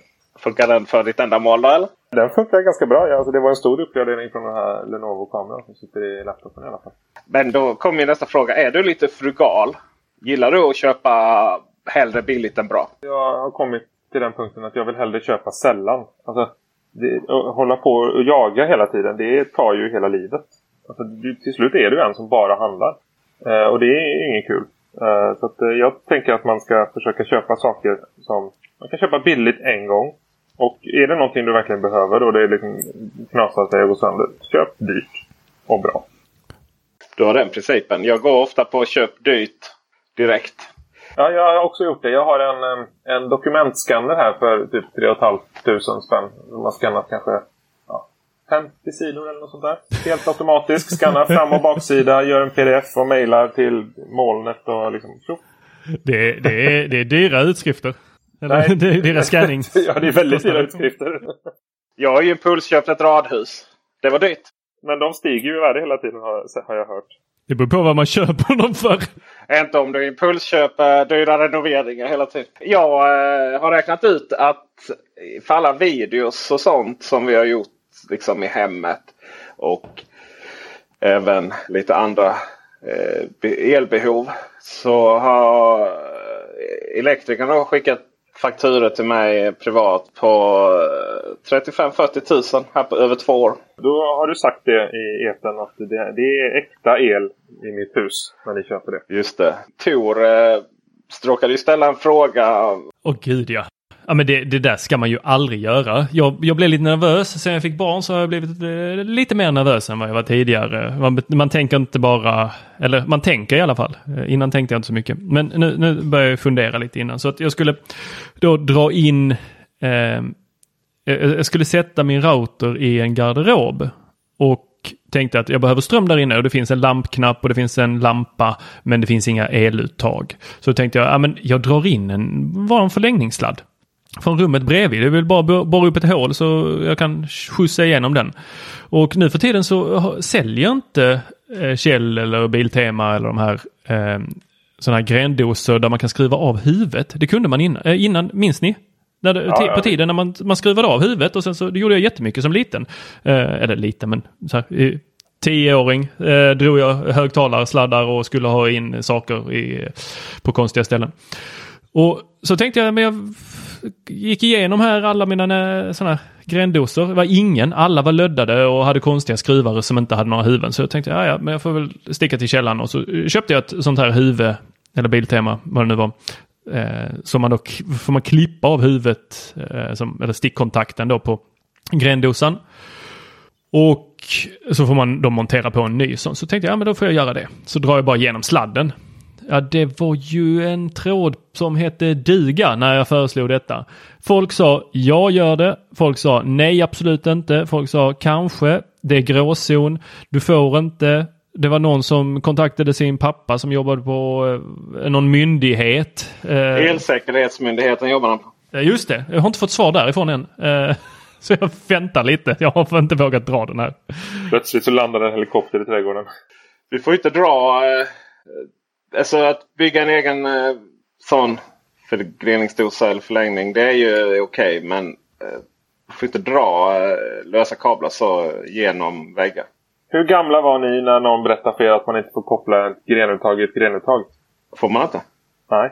Okej, okay, hur gammal är du nu Peter? Alltså att man inte får koppla sin elbil rakt i Ikeas grenuttag är en sak. Men det är ju standardförlängning. Jag menar det är så åh jag har ingen tillräckligt lång. Äh, vi, vi drar tre sådana Ikea grenuttag. Ja men det, det, är ju liksom, det ska ju alltid dimensioneras utifrån eh, hur mycket man kan teoretiskt sett dra. Så att eh, du får ju fort liksom 24 32 uttag liksom om du, har, om du gör en 10 metrare av, eh, av sådana här åtta gren, förgrenade. Och varför var det man inte fick det här? Ja, du har möjlighet att dra för mycket ström antagligen. Jag vet inte. Eh, det är inte det man använder dem liksom som förlängningar. Alltså man har de här fem kontakterna och sen bara kör man vidare. Det är inte där problemet ligger. Utan det är det här. Det var ju så jag gjorde det i källaren. Och problemet var ju att allting började ju tjuta. Det blev helt olika frekvenser på ström på de olika enheterna. Det var ju bara jävla skitgrejer liksom. Så kom elektrikern där. Farbror elektriker, 35 000 kronors elektrikern. App, app, app, app. Så gör vi inte. Utan eh, här sätter jag in fasta installationer. Ja, det går, det går att fulfixa mycket. There's never been a faster or easier way to start your weight loss journey than with plush care. PlushCare accepts most insurance plans and gives you online access to board-certified physicians who can prescribe FDA-approved weight loss medications like Wigovi and Zepbound for those who qualify. Take charge of your health and speak with a board-certified physician about a weight loss plan that's right for you. Get started today at plushcare.com slash weight loss. That's plushcare.com slash weight loss. plushcare.com slash weight loss. I'm Sandra, and I'm just the professional your small business was looking for. But you didn't hire me because you didn't use LinkedIn jobs. LinkedIn has professionals you can't find anywhere else, including those who aren't actively looking for a new job but might be open to the perfect role, like me. In a given month, over 70% of LinkedIn users don't visit other leading job sites. So if you're not looking on LinkedIn, you'll miss out on great candidates like Sandra. Start hiring professionals like a professional. Post your free job on linkedin.com/people today. Everyone knows therapy is great for solving problems, but getting therapy has its own problems too, like finding the right therapist, fitting into their schedule, and of course, the cost. Well, BetterHelp can solve those problems. It's totally online and built around your schedule. It's surprisingly affordable too. Connect with a credentialed therapist by phone, video, or online chat, all from the comfort of your home. Visit betterhelp.com to learn more and save 10% on your first month. That's BetterHelp H E L P. Burrow is a furniture company known for timeless design and thoughtful construction and free shipping, and that extends to their outdoor collection. Their outdoor furniture is built to withstand the elements, featuring rust-proof stainless steel hardware, weather-ready teak, and quick-dry foam cushions. For Memorial Day, get 15% off your Burrow purchase at burrow.com slash ACAST and up to 25% off outdoor. That's up to 25% off outdoor furniture at burrow.com slash ACAST. Wow. Nice. Yeah. What you're hearing are the sounds of people everywhere putting on Bombas socks, underwear, and t-shirts made from absurdly soft materials that feel like plush clouds. Yeah, that plush. And the best part? For every item you purchase, Bombas donates another to someone facing homelessness. Bombas. Big comfort for everyone. Go to bombas.com slash ACAST and use code ACAST for 20% off your first purchase. That's bombas.com slash ACAST. Code ACAST. Gott, men ska vi återgå till de här varma telefonerna som... Eh, Ja, vi får göra det. Vi får ta upp tråden där. ja, jag vill ju gärna veta. Telefonen blev varm av 5G. Ja, men den drar mycket ström. Så blir den väl varm. Okej, ska vi börja från början? Vad är 5G? Alla vill att 5G ska vara allting. Lösningen på alla problem som vi har haft med 4G, 3G, 2G eh, och eh, alla problem som vi har med att rulla ut fiber överallt och alla problem vi har på fabriker där man ska försöka koppla ut, upp utrustning och det kostar svinmycket pengar att dra kablar till alla robotar och allting. Och eh, alla, alla nya sensorer vi har och vi bygger nya LoRa-nät och Sigfox-nät och allt möjligt. Då ska 5G vara svaret på allt det där. Eh, och eh, det kan det väl teoretiskt sett vara, men frågan är ju vad, vad kommer 5G vara för oss? Och när kommer 5G vara vad för oss? Det tycker jag är en, en mer intressant fråga. Du nämnde eh, sån här LoRa-nät. Ja, Är det 5G? nej. Nej, det är väl något helt annat va? Ja, men, men eh, 5G kan eh, ersätta LoRa-nät i, i vissa tillämpningar, eventuellt i framtiden. Okej, så, Så- så och för det- att det- är väl väldigt lång, långa eh, vågor? Jo, men det är ju därför. Det var, jag- jag tror Peter sa det innan, liksom att eh, när vi eh, klämde lite på varandra innan, innan vi började spela in här, att eh, saker och ting kommer liksom precis när... Alltså det, det man lovar på 5G blir en del av 6G. Det man lovade på 4G kommer i 5G. Det man lovade på 3G med videosamtal och allting kommer i 4G. Alltså, det tar ju väldigt lång tid att få in all teknik i, i ett G. Och då är ju, det finns det många aktörer som redan har tjänat alla pengarna som finns att tjäna på sitt G. Och då vill man ju värpa ett nytt G. Det, det är ju liksom så det har funkat hela tiden. Vi, vi började i Sverige med mobiltelefoni 1956 med eh, MTA hette det systemet. Mobiltelefonisystem version A. Ett hundratal abonnenter. Täckning i Stockholm, Göteborg och Malmö. Eh, det, och det känner ni ju igen. Det, är- det är ju samma, det är samma varje gång det kommer en ny mobiltelefonstandard. Stockholm, Göteborg, Malmö. Eh, och det här det, det var ju bara radio. Det är liksom, eh, du har en mikrofon, du pratar med någon som, som kopplar in sladden på rätt ställe. Eh, och du kan, du kan ringa genom det. Och sen så vet jag inte om de satt med papper och penna och en klocka och skrev upp hur mycket du ringde och debiterade efter det. Eller om det var fast. Det vet jag faktiskt inte. Men det var ju där det började. Och sen eh, kom ett nytt system som heter MTB, alltså version B. Eh, då hade man bytt ut radiorören i MTA mot transistorer och det skalade till några tusen abonnenter. Fortfarande bara i, i Stockholm, Göteborg, Malmö. Och sen så gör man det här. Det kommer ett udda, en udda version här. Eh, version 3. MTC. Man ska ta ett riktigt stort steg. Man ska automatisera allt. Det ska bli superautomatiskt. Eh, det ska inte sitta en massa telefonister och koppla sladdar. Utan det ska täcka ett jättestort område. Och det blev så avancerat att det blev ingenting. Så fick man hoppa över MTC och så blev det MTD istället som kom 1971. Och då täckte man Skandinavien genom ett samarbete mellan de olika televerken och, och till slut så hade man ungefär i runda slängar 20 000 abonnenter. Ehm, och det vi idag kallar första generationens mobilnät, eh, NMT, det är MTC som, som eh, standardiserades och släpptes 1981 och eh, kunde användas i, eh, eh i, Sk i Skandinavien. Eh, ja, eller i Norden såklart. Eh, och eh, som använde 450 MHz bandet. Eh, och, och, eh, det var det shit. Det var, liksom det, det, var det bästa som fanns. Man kunde ringa, man kunde knappa på telefonen och ringa eh, var, var, man ville egentligen och kunde kopplas över landsgränser och allting. Och sen vill man göra telefonerna mindre och då dubblerade man frekvensen till NMT 900 och eh, då eh, eh kunde man, eh, då minskade man effekten också. Det var ju fastmonterad 450-telefon var det för 15 watt. Det är ju ganska det är konstigt de behövde stora batterier och liksom mest låg i bagageutrymmet på bilar. Pappa hade en sån. Det var ju mobiltelefonen i bilen installerad och klar. Och drog ju ström från, äh, från bilen. då. Sen när den skulle med ut i skogen i hans fall. Det var en sån säkerhetsgrej. Då fick man ju ta ut den och koppla på den på ett bärbart batteri som är större eh, än, än våra bärbara datorer idag. Han hade ju aldrig med den ut. Ja, man kunde nästan ta med bilbatteriet ungefär lika smidigt. NMT 450 var det va? Ja. Det, det, var de här stora som man hade i bagaget. Och sen 900 ja. det var de som man kunde ha i mittenkonsolen på bilarna va? Ja, precis. Och de sände väl på cirka 2 watt tror jag. Ungefär samma som GSM. Varför brusade det så mycket? Detta var ju då så kallat analogt. Ja, det var analogt. Det brusade för att, eh, för att det var analogt helt enkelt. Det vill säga att man eh, i vi säger att man befinner sig ungefär på 900 MHz. Så drar man ut en, en liten smal kanal som används för samtalet till dig på, eh, på några kilohertz. Eh, och den är din. Och allt som händer i, eh, eh i luften påverkar ju den här eh, kanalen du har.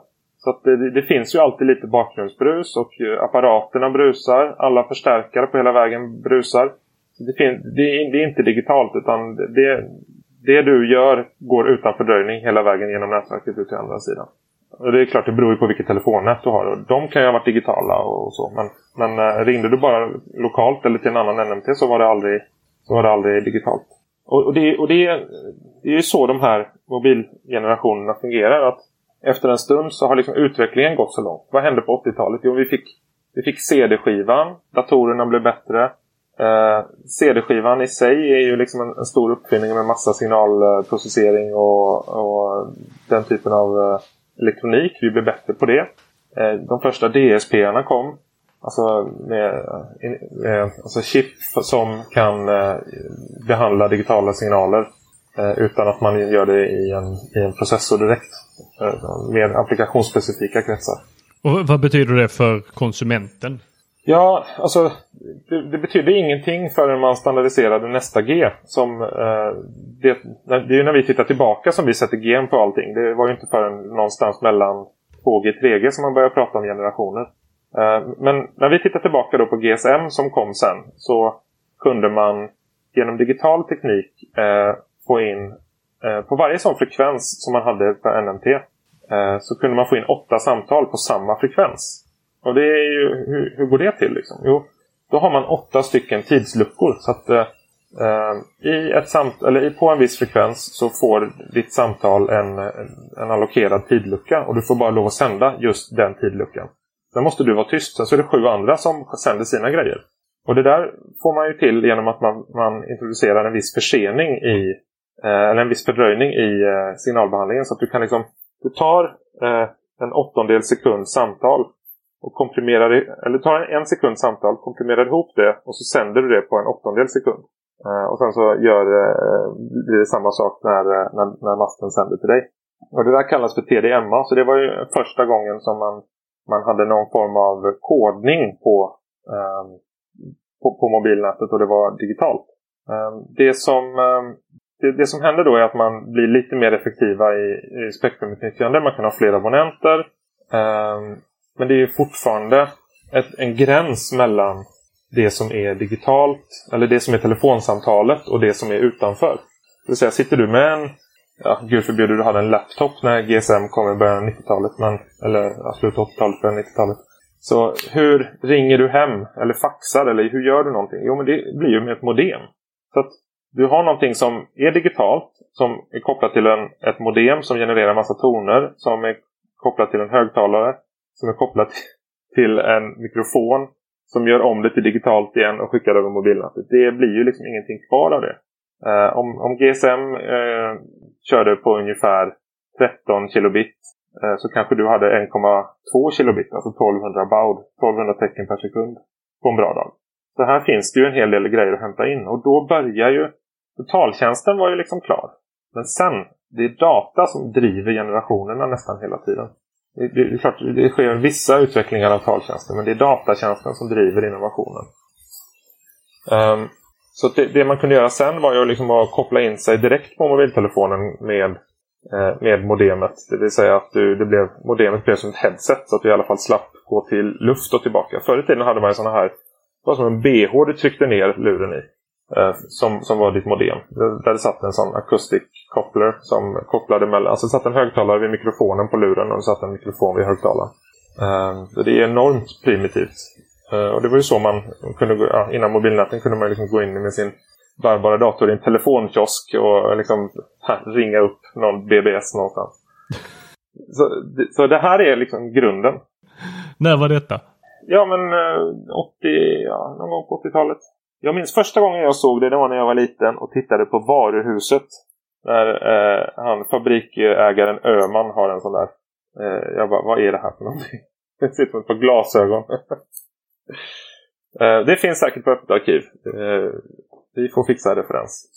Eh, men jag tror man kan googla på Acoustic Coupler Modem eller något sånt där. Så ser man en sån. Om ni har sett Wargames så använder man ju en sån där också. Den har jag missat. Ja, men den, det, är en, det är en kultrulle, den måste man se. Det, det handlar ju lite om, om, om hela 5G-frågan egentligen. Om man, om man har en sån hjärna som jag har som lätt kopplar mellan olika, olika icke-relaterade saker. de såg framtiden. Ja du Björn, vad, vad, är din hjärna? Den jobbar ju. Det är ju någon som har eh, anställt dig och eh, vill använda din hjärna. Ja, så är det. Ja, och det är Post och telestyrelsen. Ja, jag jobbar idag på Post och telestyrelsen eh, på eh, Eh, avdelningen för resursförvaltning. Eh, så att jag samordnar processer och systemstöd egentligen för tillståndsgivning, eh, spektrumförädling, spektrumtillsyn, pejlar in och skyddar de licenserna vi har utfärdat och de tillstånden vi har utfärdat.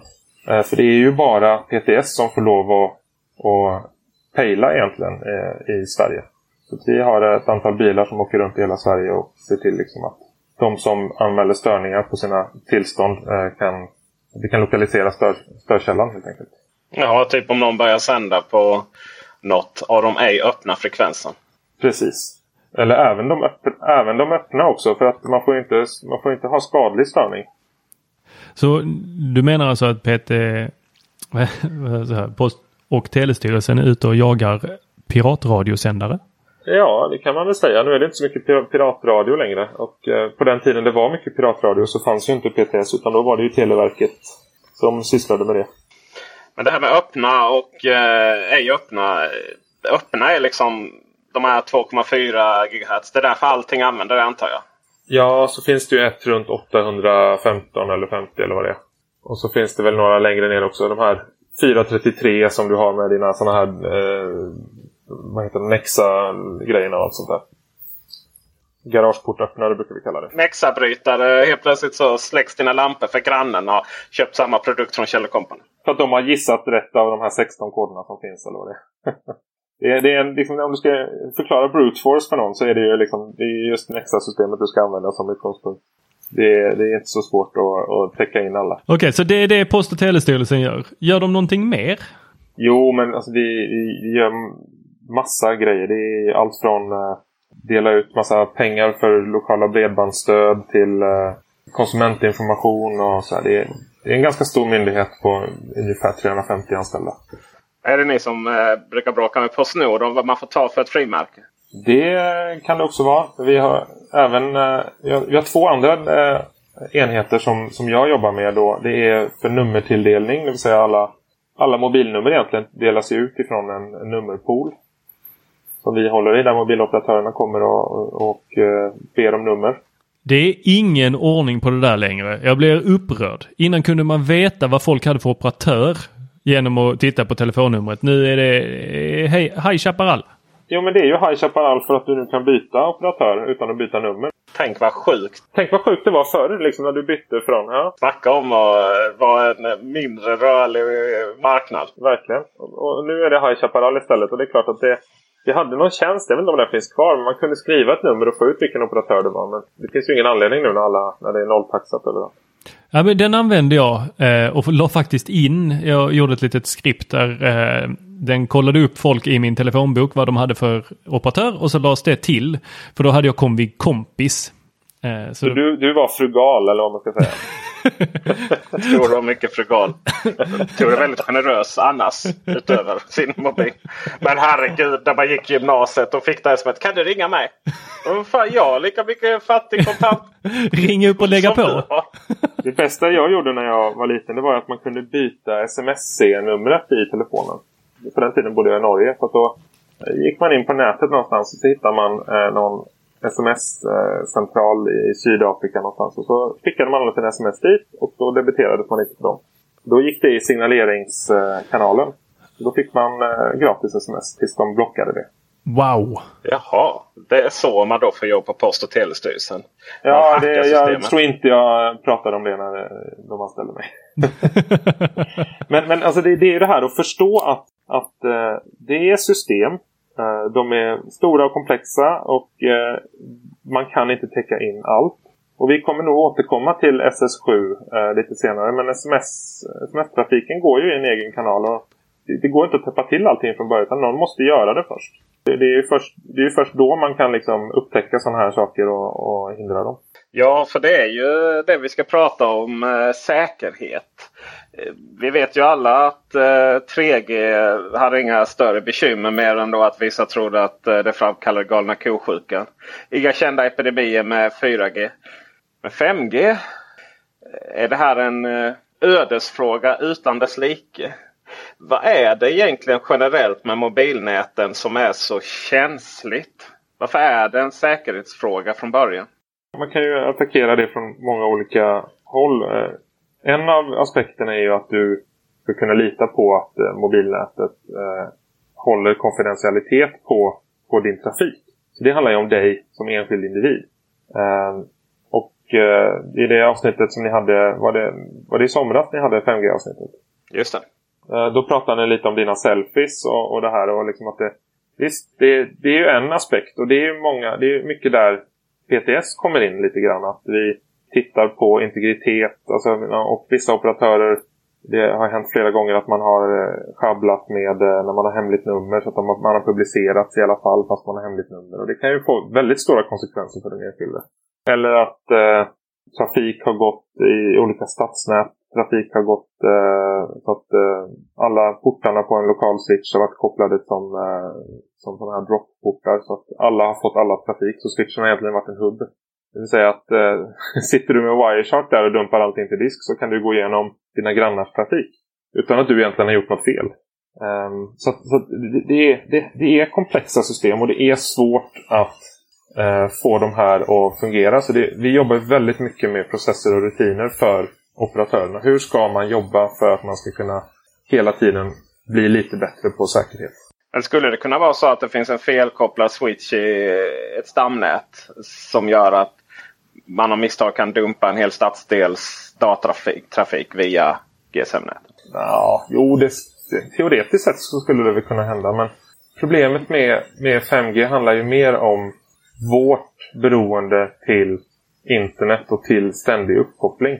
Och om de här näten liksom ska kunna göra allt det de gör. Alltså säg att 5G kan ersätta eller komplementera så många olika eh, standarder. Vi pratar lite om IoT, de olika IoT-näten. Det kan eh, komplementera våra wifi-anslutningar hemma, våra, våra 4G-nät. Det är ju faktiskt så att 4G och 5G kan ju samexistera i ganska hög grad. Och faktiskt dela på samma frekvenser också om operatörerna vill det. Så blir ju 5G väldigt viktigt till slut. Och det är där de här frågorna liksom kommer in. Hur, eh, vad, vad, händer om eh, ett mobilnät går ner för att det är förprogrammerat att stänga av sig? Och hur ska vi kunna veta det på förhand? Det, det är väldigt svårt att liksom granska sig in i den, i den vetskapen. Om vi backar lite till december 2019 så antog riksdagen en ny eh, lag. Som i korthet eh, innebär att reglerna för vilka aktörer som släpps in i det svenska trådlösa nät skärps. Jag läser utan till. Riksdagen anser också att myndigheten Post och telestyrelsen ska samråda om tillstånd med Säpo och Försvarsmakten. Det sistnämnda ska också kunna överklaga beviljade tillstånd till regeringen eh, eller återkalla befintligt tillstånd om ett hot upptäcks. Vi har alltså haft mobila nätverk i decennier. Varför just nu?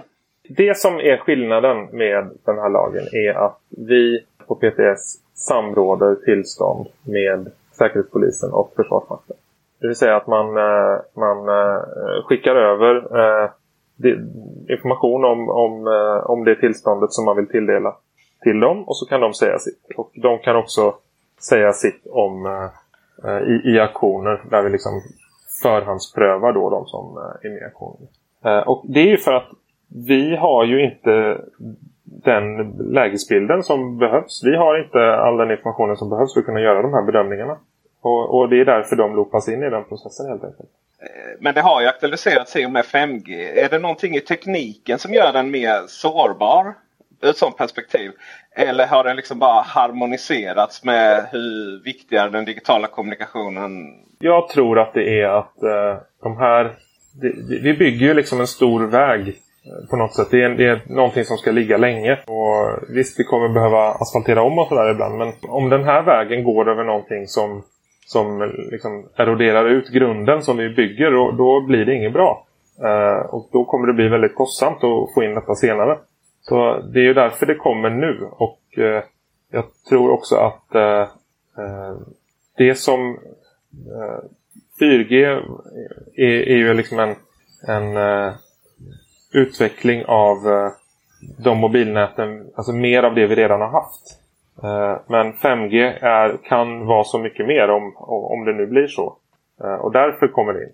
Och det man nu då eh, meddelar det här baserat på de här lagarna, eller lagen, det var att man först och främst så får teleoperatörerna inte ha personal utanför landets rike som jobbar med det här. Det är ganska svettigt kan jag tänka mig. Men ännu mer att, inte nog med att i 5G-näten så får man då inte använda utrustning från eh, kinesiska Huawei eller ZTE. Men man måste också slänga ut den existerande utrustningen. Det kan inte vara gratis för operatörerna. Nej, det är nog inte gratis för operatörerna. Och det är ju någonting som, som hela, eller alla användare av mobilnäten kommer få vara med och betala. Eh, men det är ju priset av eh, att att vi, ska, att, att vi får dem, den typen av nät som, som vi vill ha. Det man pratar om är då att man kan ta den här utrustningen i, i de centrala delarna eh, av näten. Sen samtidigt så kändes det som att man då eh, tog upp vilka delar det var. Så det kändes som att det var hela nätet egentligen. Eh, har du möjlighet att förklara lite vad, vad det finns för olika typer av nät? Kärnnät och som vi har där centrala delar och så vidare. Och så har vi basstationer och accesspunkter. Och så, hur, hur, hur är liksom nät uppbyggda? Traditionellt sett så pratar man ju om radionätet, RAN, det vill säga alla masterna som man ser och där, de som mobilen pratar med. Sen har vi ett accessnät som knyter ihop de här. Och ibland så, det beror lite på vilken teknologi man är på, men ibland så finns det eh, lokala eh, burkar som aggregerar ihop flera master. Och ibland är masterna själv, eh, självstående. Eh, och sen finns det ett kärnnät. Och kärnnätet är ju dit all trafik eh, går och där man håller reda på hur mycket du har ringt och vilket abonnemang du har och om du har några speciallösningar, mobilväxel till exempel, då kan du ringa ett kortnummer och du hamnar hos din kollega. Men det kan ju inte en, vem som helst det kan ju inte ringa det kortnumret för det gäller ju bara för dig inom din organisation och sådär.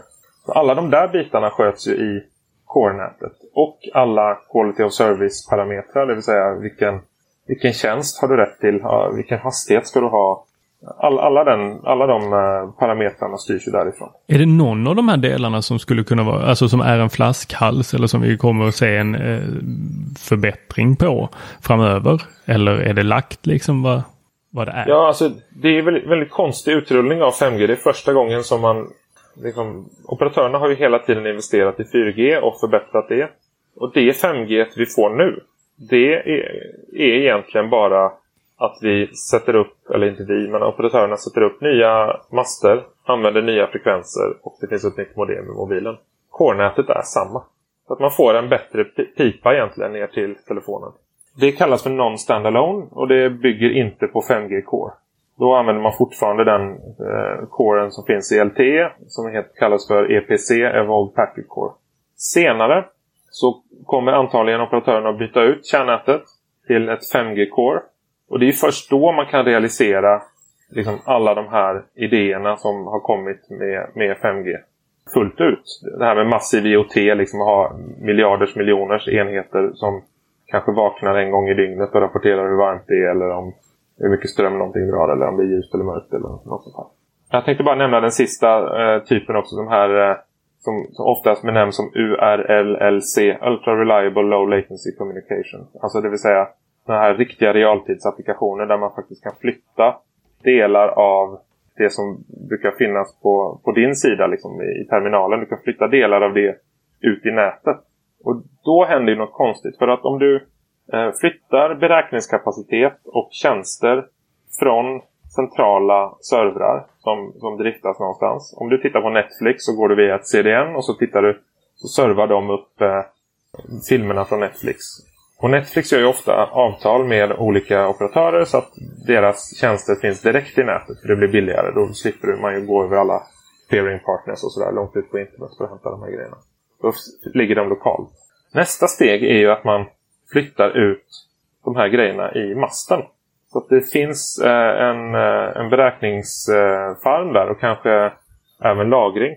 Så att du kan eh, för ett visst Eh, eh ja, säg att det, finns, det är någon, eh, någon tävling någonstans där man ska hålla koll på en himla massa enduro-cyklar eh, eh som kör runt, runt, runt någonstans.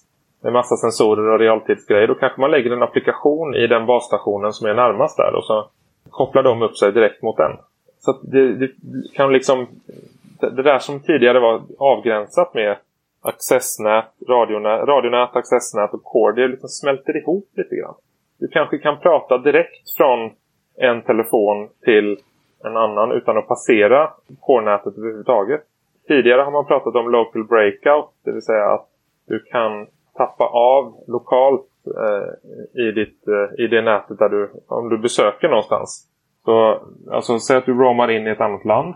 Då kan du tappa av trafiken där och eh, liksom surfa i det landet som att du var där. För du är ju faktiskt där med din telefon. Men oftast idag så går trafiken hem och tillbaka igen. Så du får ju enorma fördröjningar. Och det är, det är klart, det är ju ett, det är ett sätt att ha kontroll på det. Man skulle kunna säga att eh, det skapas en mängd väldigt lokala corenet, dynamiska då ju. Precis. Och nästa steg är ju liksom att någon som har en fabrik någonstans som är trött på att göra som du, anställa en elektriker och betala massa pengar varje gång de ska flytta en produktionsline eller någonting. De vill ha trådlösa lösningar för sina robotar och maskiner. Och Wi-Fi idag är inte riktigt där än. Du kan inte riktigt få den typen av kontroll som du skulle kunna få med ett välutvecklat lokalt 5G-nät med Wi-Fi idag. Så då blir det en lösning istället. Att alla, om alla maskiner redan är färdigutvecklade för att haka på ett lokalt 5G-nät så, och du har ett tillstånd för ett sånt nät, då har ju du garanterad eh, kapacitet och möjlighet i din fabrik till exempel. Så om vi går tillbaka här till iPhone 12 så var det ju 5G det stora de pratade om. Jag tror de nämnde det 70 gånger på scen att de hade 5G. Och Verizon 75 gånger. Just det. Och, och när man nu ser eh, eh, de här recensionerna eller hands-on som eh, eh, sprids på nätet som tusan här. Så Eh, är det ju att de springer ju runt liksom inne i New York och letar efter 5G då liksom. Ja men på den här hörnan har jag. Här kan jag ladda ner en hel säsong på Netflix på bara några sekunder. Eh, är det då att det är någon lokal som har det eller är det eh, att just där sitter en mast eller? Ja, det är ju det här att, att man har byggt ut eh, millimetervågor i de här städerna. Och de blir ju per definition väldigt lokala. Du behöver ju du behöver kunna se masten här egentligen för att, eh, i, praktiken för att kunna använda den. Förklara lite mer det här med millimeterwave eller millimetervågor och det som man annars hör då i eh, de här sammanhangen. Sub 6. Vi har ju till exempel eh, särskilda iPhones för den amerikanska marknaden med extra antenner och sådär. Som inte finns i övriga världen. De har ett, ett, eh, ett eh, millimeternät som, eh, som är utbyggt på vissa, i vissa lampstolpar och i vissa, på vissa gatuhörn. Och det är väl en tanke att man ska kunna använda de amerikanska iPhonen för att, för att nå det där nätet. Och då behöver, man de, då behöver de ha millimeterfunktionalitet. Och tittar man på Samsung så har ju de delat upp telefonerna i lite olika klasser om jag har fattat det hela rätt. Så att det är inte alla som har millimetervågorna. Och redan där blir det ju ganska tydligt att vi försöker lansera någonting lite. Vi försöker ju få nyttan av detta innan det egentligen är färdigt uttänkt hur det ska funka. Eh, så att de, köper du en telefon idag som inte har millimetervågor då kommer du ju aldrig kunna använda dem när de kommer sen. Kommer de komma? Det är först med millimetervågor som du liksom kan fylla ett, eh, en hel arena med bra mobilupplevelser när alla är där och tittar på Springsteen eller ska livesända någonting eller något sånt här. Det är först då du, du klarar av det. Och tittar du på de arenorna där man har byggt ut detta i, idag i USA så är det vissa stolar som har eh, millimetervågor och en bra 5G-upplevelse. Det är liksom inte hela arenan än. Man känner det när man sätter sig. Det är något hårt där i stolkanten. Ja, men lite så. Det blir väldigt varmt. kan jag tänka mig. Botar corona. Kokar inombords. Millimetervågor är ju bokstavligt talat frekvensband som ligger Ja. där uppe. Det är väldigt höga frekvenser. Vilka frekvenser kommer man köra i Sverige och, om man överhuvudtaget kommer starta igång millimeternät i Sverige? Ja, jag antar att det finns ju lite ledigt på vägen upp. Men det som är standardiserat eh, är ju eh, 26 och, och i USA är det väl 28 tror jag man har landat på. Det används väl mellan länkningar idag va? Ja, det används ju i mobilnäten. Eh, för när man inte har gravfiber så länkar man ihop det med radiolänk. Eh, det, det, det är korrekt. Det är väl också sagt att det inte kommer frigöras förrän om sådär fem år eller liknande. Ja, alltså det, det, det kommer inte i den här omgången i alla fall. Men vi kommer att ha millimeter... Det kommer att finnas möjlighet att, att skaffa tillstånd i millimeternäten. Eller för millimeternät i Sverige. För det som eh, är lite poängen det är att eh, iPhone-användare och vi övriga vi behöver inte vara så ledsna att vi inte våra mobiler fungerar. Därför vi kommer hinna byta dem några gånger innan det är igång i Sverige. Ja, och, och det är väl det som har hänt. Förr i tiden så var det ju så här man pratade med, med någon. Bara, ska du byta telefon? Nej, det vet jag. väntar på 3G. Så här, man har någon Nokia 3310 eller någonting. Ja, jag ska, jag ska vänta några år för då kan jag få en 3G-telefon. Och sen köpte de 3G-telefoner skitglada när de kom ut. Och de var liksom 4 cm tjocka, hade ingen batteritid och en taskig färgskärm. Det som har hänt är att vi byter terminal mycket oftare och det gör det mycket lättare att, att uppgradera, eller uppgradera näten. För LTE, idén med LTE och 4G var ju Long Term Evolution, LTE. Det var ju liksom att man skulle kunna släppa releaser av de här eh, standarderna hela tiden för att liksom förbättra saker. Och det har man ju gjort också. Vi har fått Carrier Aggregation, vi har fått MIMO, vi har fått, vi har fått en hel del extra grejer som, som gör att på vissa platser där det liksom lämpar sig så kan man tillämpa några av de här grejerna som, som ligger mer som standard i, i 5G. Eh, och till slut så, så blir det väl så att det är inte lämpligt att eh, fortsätta pilla med, med 4G utan då får man liksom dra ett streck så får man säga att alla de här grejerna från den här releasen och framåt det är 5G. Och första steget är ju då att bara släppa på nya radio, eh, nya modemen och nya, nya radioteknikerna och de nya frekvenserna som eh, man har liksom städat upp och frigjort. Just det. Vi ska vara kvar lite där med runt konsumentprodukter. För att nu så har det ju blivit så att i de här aktionerna om du ska vara med eller om du ska få det beviljat eh, så behöver du då eh, slänga ut Huawei och eventuella ZTE-utrustning ur näten. Då skapas det lite av en verklighet att det här är ett bolag då som man inte kan lita på. Man läser lite mellan raderna folk eller beslutsfattare säger och så vidare. Så handlar det väldigt mycket om kontroll över de här näten. Mer än att det finns liksom ett direkt säkerhetshot. Men jag tror man många människor applicerar ju ofta sådana här diskussioner på det de själva kan se. Sina mobiltelefoner, sina datorer. Hur, hur ska man tänka där som konsument? Vågar man använda dator från Huawei? Är till exempel en fråga som vi får ofta. Och även när det kommer till telefoner. För det är ju sammankopplat med 5G väldigt mycket. Telefoner man använder där. Ja, alltså, ja verkligen. Finns det någon åsikt liksom, om konsumentprodukter? Jag tror att man får tänka lite på var befinner man sig i värdekedjan. Om du har en, en osäker dator så kanske det påverkar dig.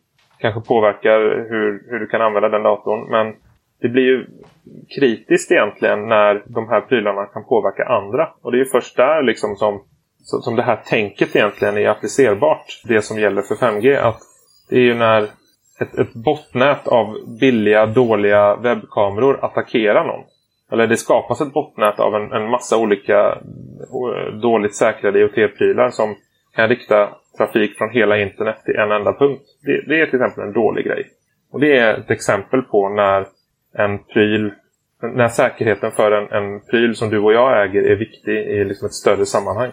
Men om din dator är säker eller inte, det är ju inte så himla viktigt för världen egentligen.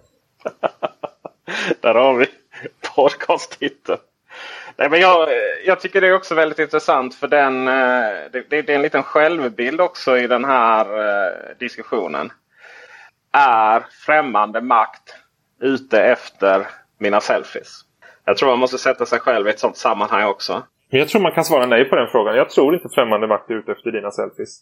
Vad är de ute efter då? Det vet man ju inte. Det, det är ju lite, alltså, nu får jag prata som privatperson, men liksom, om man tittar på eh, hur liksom, världsläget är just nu så, så är det ju ett mer rörigt säkerhetspolitiskt läge. Och det handlar ju väldigt mycket om att utnyttja de möjligheterna man har som antagonist i, i en sån marknad. Det vill säga, kan du skapa förvirring, kan du, kan du göra någonting så, så är det ett verktyg i din verktygslåda för att påverka andra stater. Mobilnäten skulle kunna vara en vektor i det. Liksom. Det, det är lite så jag ser det. Och då är det bättre att vi tar informerade beslut om mobilnäten än att bara lämnar allting inför våg. Och det som är intressant där är ju att blotta disku diskussionen kan ju delvis vara en informationskampanj från främmande makt. Rädslan för 5G. Och det, och det är ju jobbigt liksom när man försöker vara en, en nykter ingenjör i detta och liksom säga att ja fast 5, vi behöver inte tänka så mycket på 5G nu. Vi får se om några år om det blir det jättebra att folk jobbar med det men, men liksom, du kan nog köpa några LTE-mobiler till och, utan att liksom gå miste om särskilt mycket.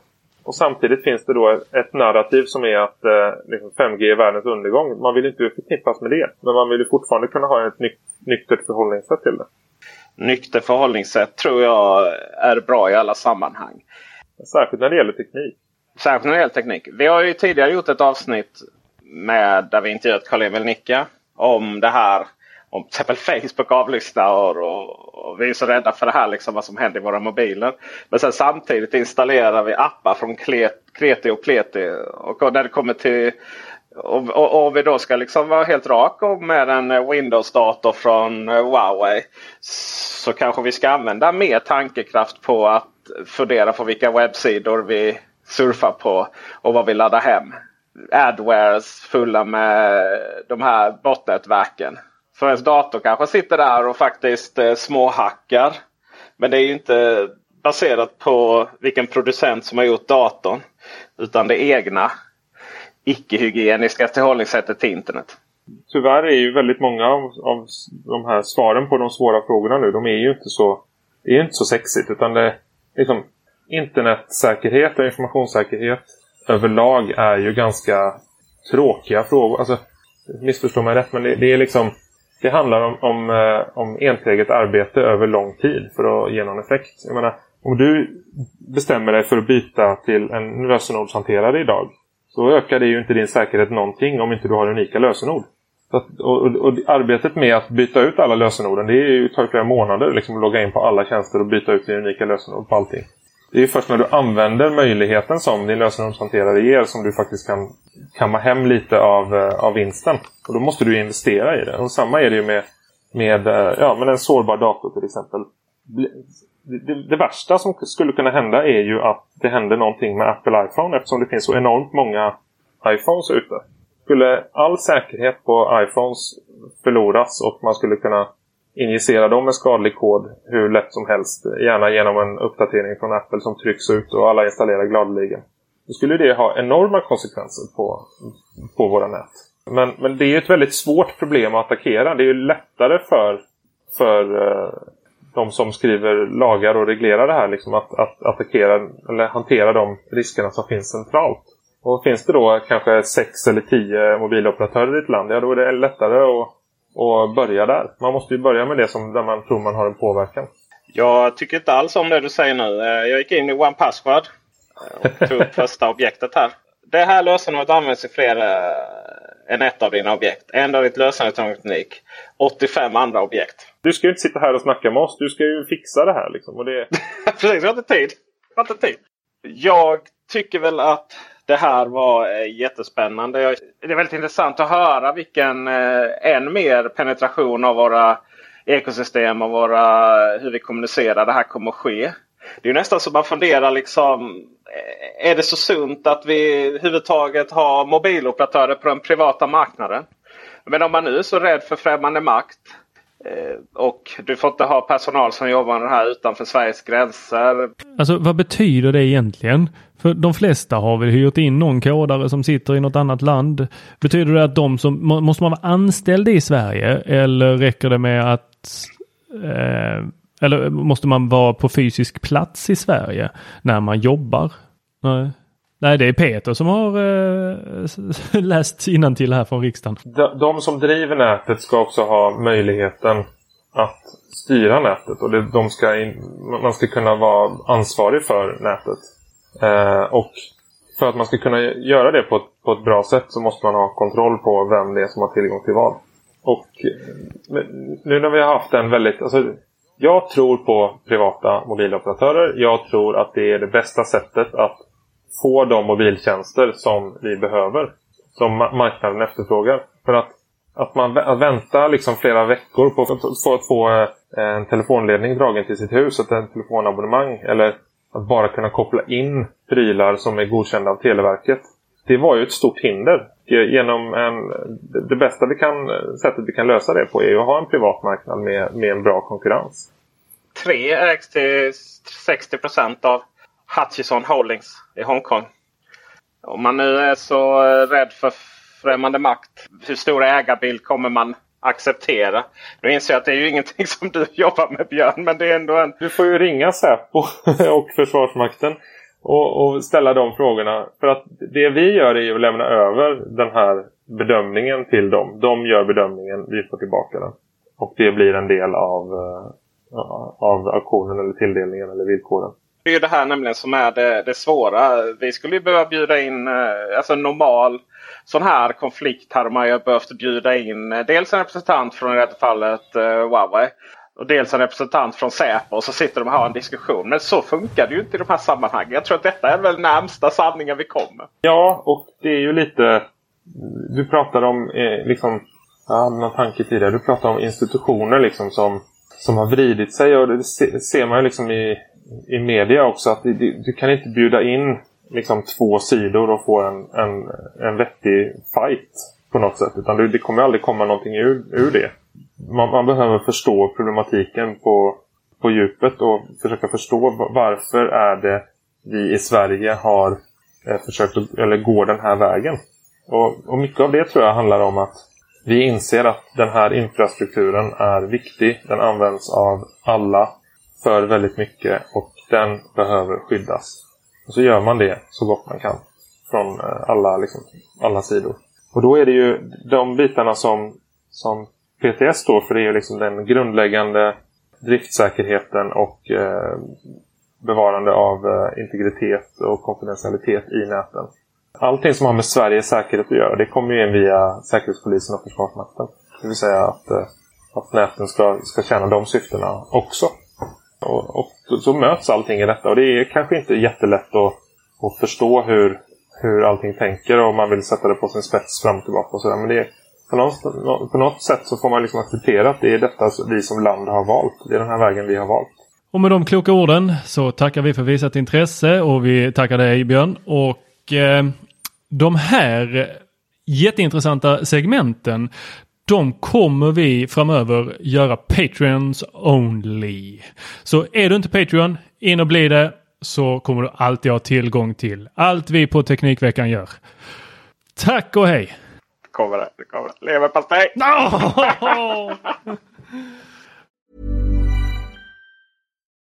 As humans, we're naturally driven by the search for better. But when it comes to hiring, the best way to search for a candidate isn't to search at all. Don't search, match with Indeed. When I was looking to hire someone, it was so slow and overwhelming.